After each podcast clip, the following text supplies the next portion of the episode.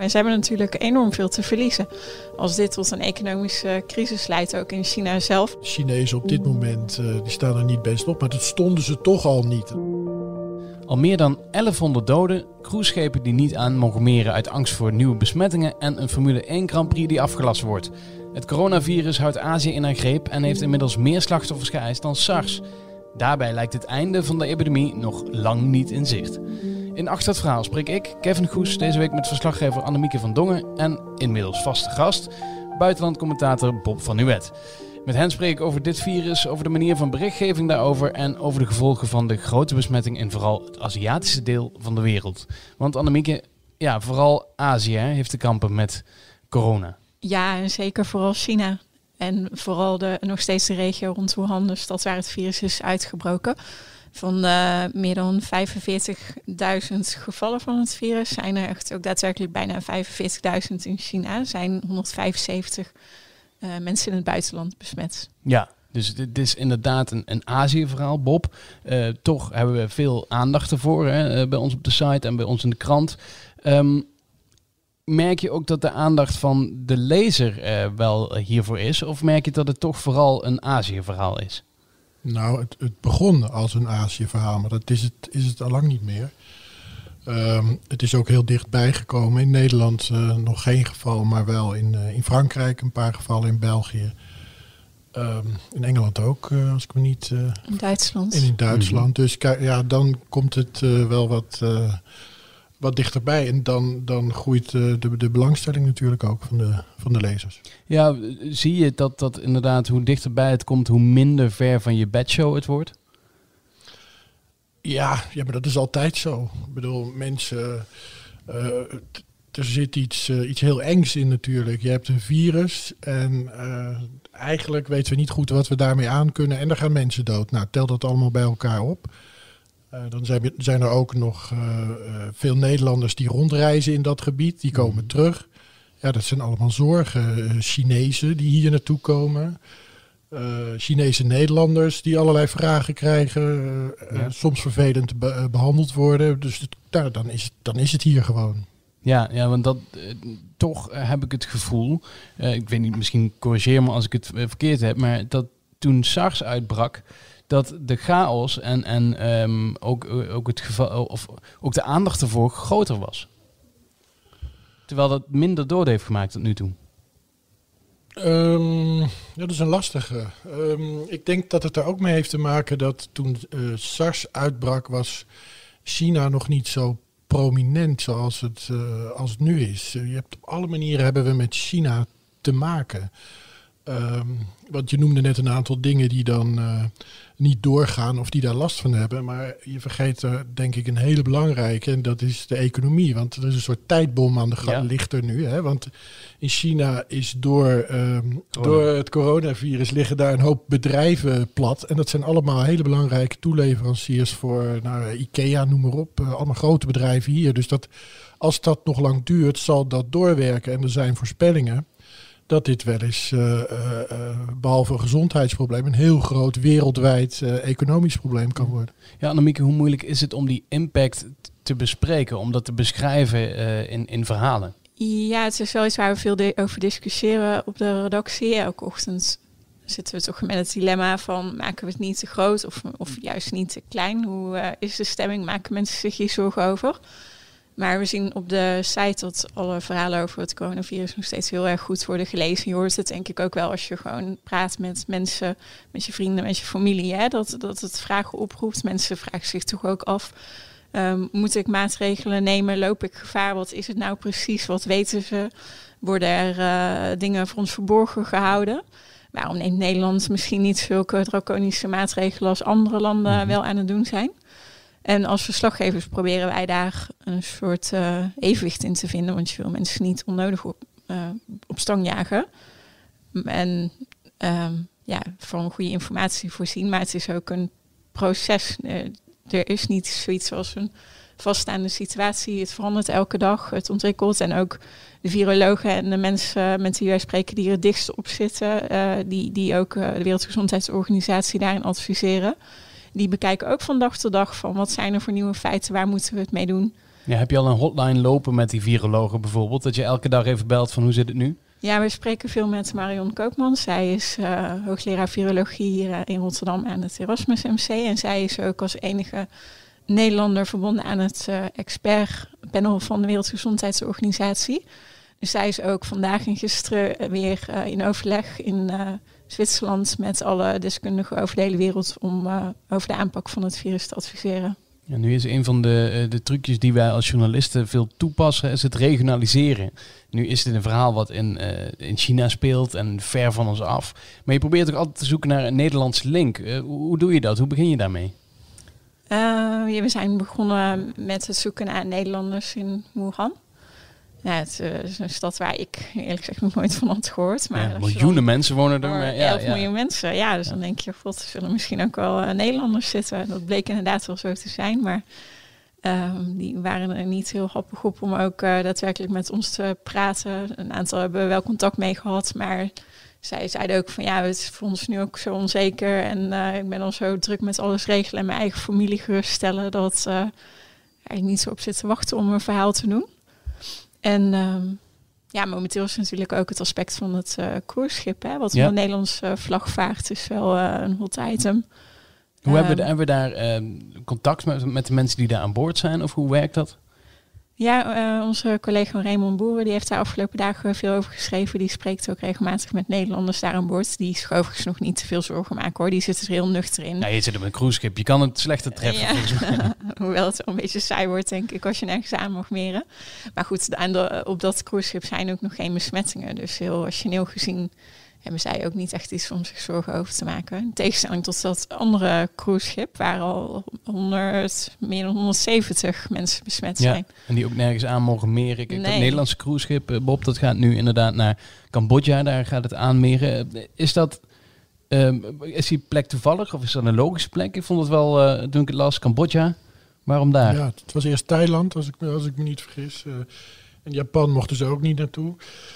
Um, ja, ik moet nog zien dat ze daar wel mogen, mogen aanleggen. Want uh, je merkt wel dat uh, de, de, de landen rondom China die hiermee te maken hebben, die, die zitten er ook echt mee. Hè? Niemand wil uh, denk ik, echt open kaart spelen. Uh, we hebben nu net uh, gekeken hoe dat dan in, in Noord-Korea bijvoorbeeld zou gaan. Nou, volgens Noord-Korea is er niks aan de hand.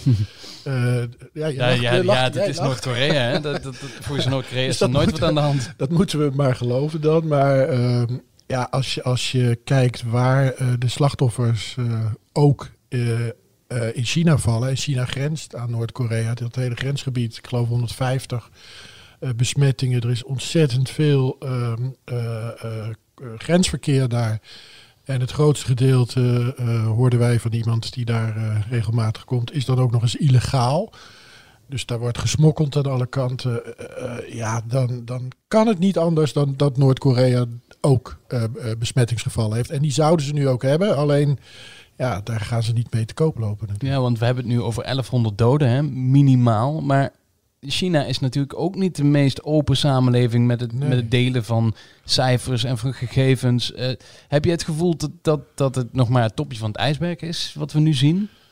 Nou, dat, daar wordt wel serieus rekening mee gehouden. Want China heeft inderdaad een hele slechte reputatie. Die vorige, uh, die vorige crisis met het SARS-virus duurde het, uh, Annemiek, vier, drie, vier maanden geloof ik, hè, voordat ze serieus gegevens wilden wilde uitwisselen. Ja. Nu, ja. Nu was het wat sneller. Maar. Ja, maar het was nog steeds uh, zeven weken of in ieder geval een paar weken. En, uh, en dat vergroot het, uh, het, het vertrouwen niet. Dus als de Chinese overheid zegt er zijn zoveel besmettingen. Ja, weet ja, en, en terwijl, ze, terwijl ze dat bekendmaken, ze, ze zeggen iets erover.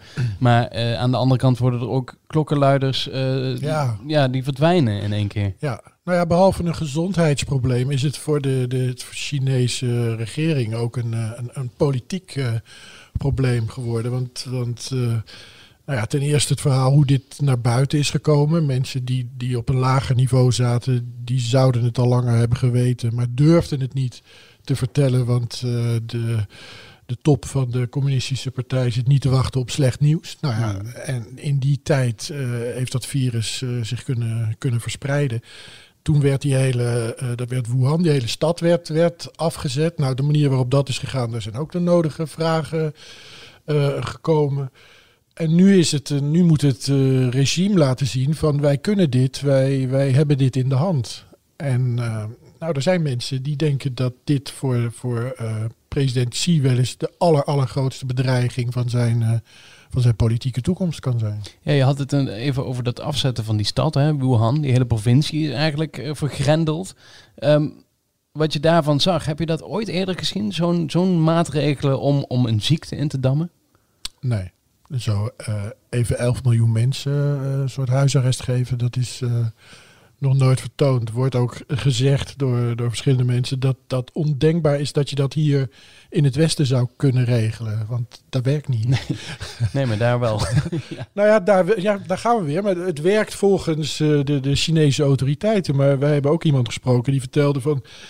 Uh, dat uh, de stad werd uh, afgesloten, dat werd s s'nachts besloten. En s'nachts werd gezegd, de volgende ochtend vanaf 10 uur is jullie stad afgesloten. En daar zat, als ik me niet vergis, acht uur tussen.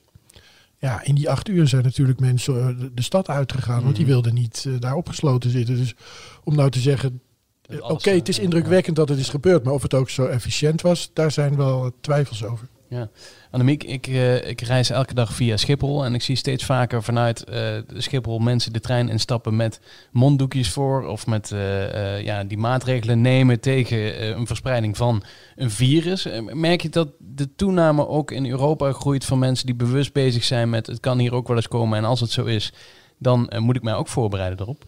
Ja, dat uh, met name mensen die uit Azië komen, waren ook afgelopen jaren bij andere uitspraken massaal naar mondkapjes soort. Uh, ja, je ziet het in Azië sowieso veel meer. Ja.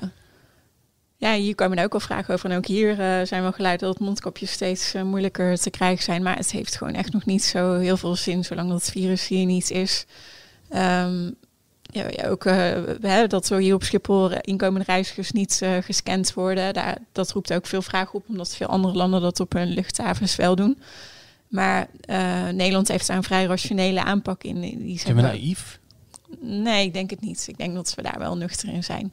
Ik denk ook realistisch. Want, want als je die scans ziet op sommige vliegvelden, dan denk je, waar slaat dit op? Weet je ja, die, Wordt er even iets bij gehaald? lichaamstemperatuurscanners. Ja, zal wel goed zijn. Is... Je, zou, je zou er op dit moment vooral veel mensen mee uithalen die gewoon verkouden zijn of een griepje hebben en heel veel vals alarm creëren. Terwijl mensen die het coronavirus hebben, de eerste dagen nog helemaal geen koorts of verschijnselen hebben. Dus die laat je er misschien alsnog door. Dus het is meer een schijnmaatregel dan dat je de echte ziekte mee buiten houdt. Ja, dat is ook een verwijt aan China. Hè? Dat daar wordt wel getest, maar, de, maar ze hebben niet genoeg spullen om echt goed te testen. En, uh, en die schijnveiligheid is dan dat mensen naar huis worden gestuurd die het wel hebben. Maar... Mhm. Ja, want de symptomen die treden pas later op, hè? Het kan, kan tot 14 dagen duren, ja. ja.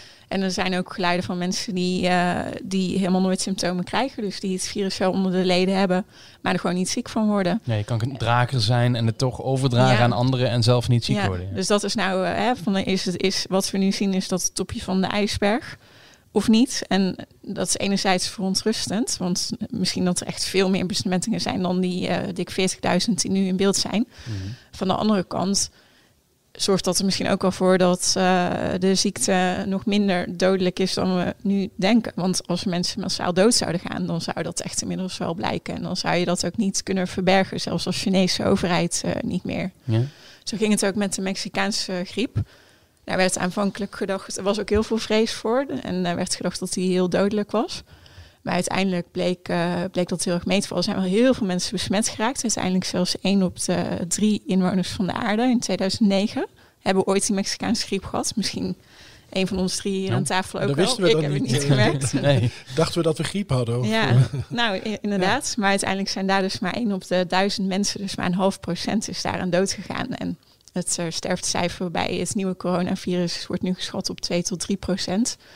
Maar goed, dat is op basis van de best wel ernstige gevallen die nu in ziekenhuizen terechtkomen. En dat kan aan en dat heel veel dus andere dingen liggen. Zou, zou later ook, uh, hè, als deze epidemie voorbij is, zou dat ook veel lager nog uit kunnen pakken. Ja, want dat is natuurlijk epidemie op het moment dat die speelt. Uh, is er heel veel onduidelijkheid over. In die fase zitten we nu eigenlijk, hè? want we weten nog helemaal niet zoveel van dat virus. Nee, het is een nieuw virus en dat maakt het natuurlijk ook zo eh, eng en fascinerend. Het is nu voor het eerst eh, van dieren op mensen overgesprongen. Mhm. Eh, waarschijnlijk is het afkomstig van vleermuizen. Die dragen heel veel virussen bij zich. En via een ander dier dat als tussendrager heeft gefungeerd... is het op die beruchte markt in Wuhan ehm, ja, naar mensen overgekomen. En ja, we hebben dus ook nog geen vaccin, geen medicijnen. Nee. Dus artsen kunnen ook eigenlijk niks doen... behalve het, het, tegengaan van de symptomen... zoals mensen aan de beademingsapparatuur leggen. Ja, Bob, die, die markt. Annemieke stipt hem even aan. Jij hebt daar een, je had er een heel verhaal over geschreven hè, met allemaal foto's Ja. eh, eh, van hoe dat er daar dan uitzag. Kun je het een klein beetje beschrijven? Oef.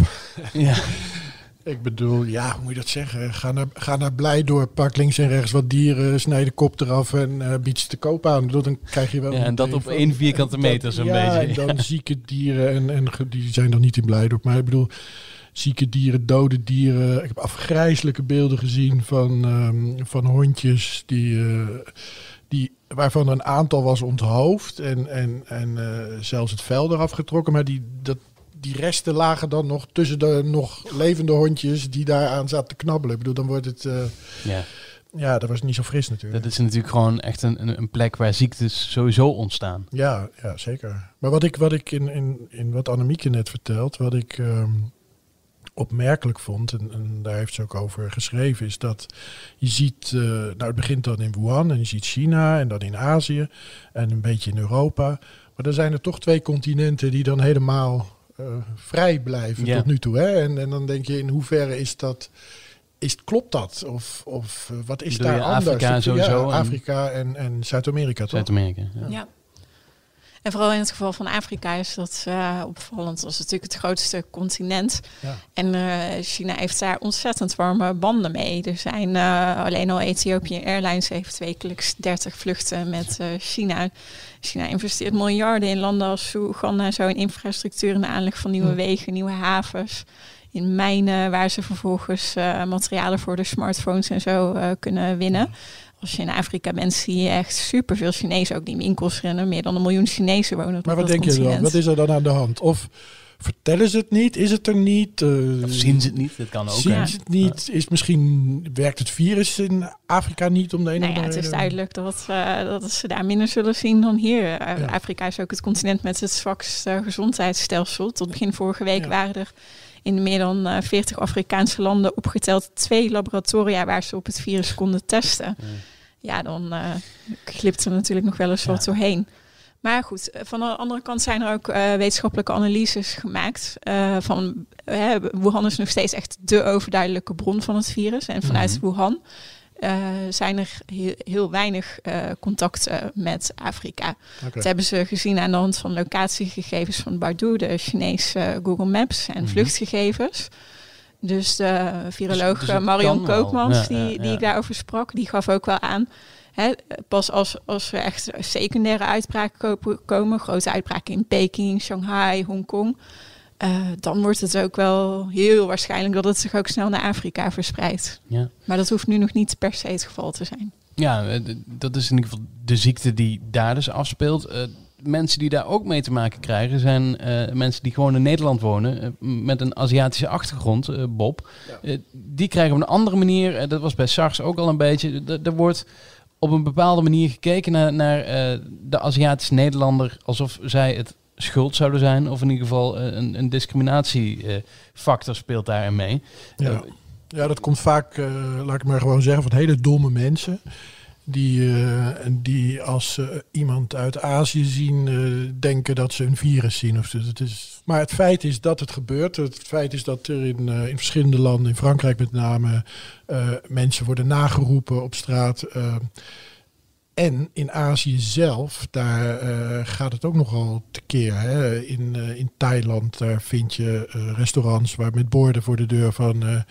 eh, eh, als u Chinees bent, uh, niet, uh, niet binnen te komen.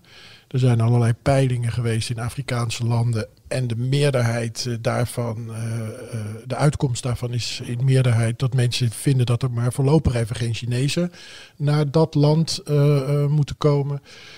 allerlei oude vooroordelen over Chinezen. Dat ze, nou ja, dan, dan kom je weer op het verhaal van, van uh, Wuhan, van die markt. Dat ze niet zo hygiënisch omgaan met, met eten. Maar dat is natuurlijk wel iets wat, wat veel langer speelt in Azië. Ja. de Chinezen die zijn daar de grootste toeristen. overal in elk land waar je in Azië komt, barstens vol Chinezen. Ja, en ze zijn niet populair. Hè? Laten we dat gelijk zeggen. Sowieso al niet. Ik heb iemand die schreef een mail en die zei van ja, klopt. De, de, Chinezen op dit moment die staan er niet best op, maar dat stonden ze toch al niet. En dan krijg je allerlei verhalen over de, de Chinezen um, op straat spugen en weet ik wat allemaal. Weet je wel, dat soort dingen, dat doen ze ook. Mhm. Maar, maar dat ligt nu natuurlijk weer, weer uh, veel gevoeliger. Dat, komt, het maakt wel een hoop los. En dat, om op een eerdere vraag van je terug te komen, als je dat dan gaat vergelijken met die hele SARS-crisis, toen was ook het internet nog niet zo ontwikkeld. Hè? Dit gaat bijna sneller dan een virus, gaat het allemaal rond. En, en iedereen vindt daar wat van. En iedereen moet eventjes iemand anders uh, beledigen als het even kan. Dat...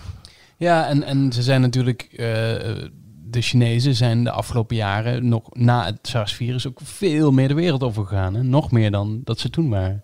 Ja, er is een nieuw, nieuw bewustzijn uh, onder Chinezen. Dat is ook zo. Chinese bedrijven kom je overal tegen. We hebben een, uh, pas geleden hadden een verhaal met de Chinese ambassadeur hier, die even duidelijk maakt wat hij ervan denkt. Nou, dat was ondenkbaar tien jaar geleden dat een Chinese ambassadeur zijn mening zo zou geven. Weet je, dat dus um, ja.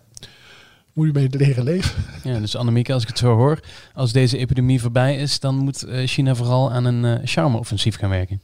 Ja, dat denk ik wel. Dat, uh, dat is wel uh, in ieder geval ook voor, voor reizigers, uh, vakantiegangers, maar ook in economisch opzicht zal er wel het een en ander nodig zijn om dat weer te bedaren. Ik denk dat wat wel belangrijk is, dat ze, uh, maar dat weet Annemiek beter, dat ze ook uh, hulp toestaan van buiten. Want volgens mij heeft de Wereldgezondheidsorganisatie en andere organisaties hulp aangeboden. En bij mijn weten is die tot nu toe niet uh, geaccepteerd. Nou, de Wereldgezondheidsorganisatie is helemaal niet zo negatief hoor. Maar vooral ook als je het afzet tegen hoe het destijds bij SARS is gegaan. Zijn ze wel heel blij met, met de relatieve openheid die China nu heeft ja. gegeven.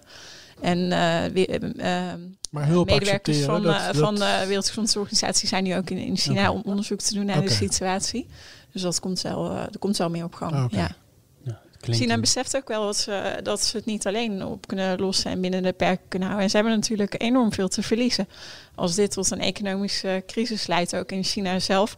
Nee, je noemde zelf, uh, Bob, al de problemen waar uh, president Xi momenteel mee worstelt. Ja, Die ja. kan dit er natuurlijk mm. helemaal niet bij hebben. Nee. Wil je nou meer van uh, Achter het Verhaal horen? Uh, abonneer je dan ook gewoon op onze podcast. Kan via Spotify en via Apple.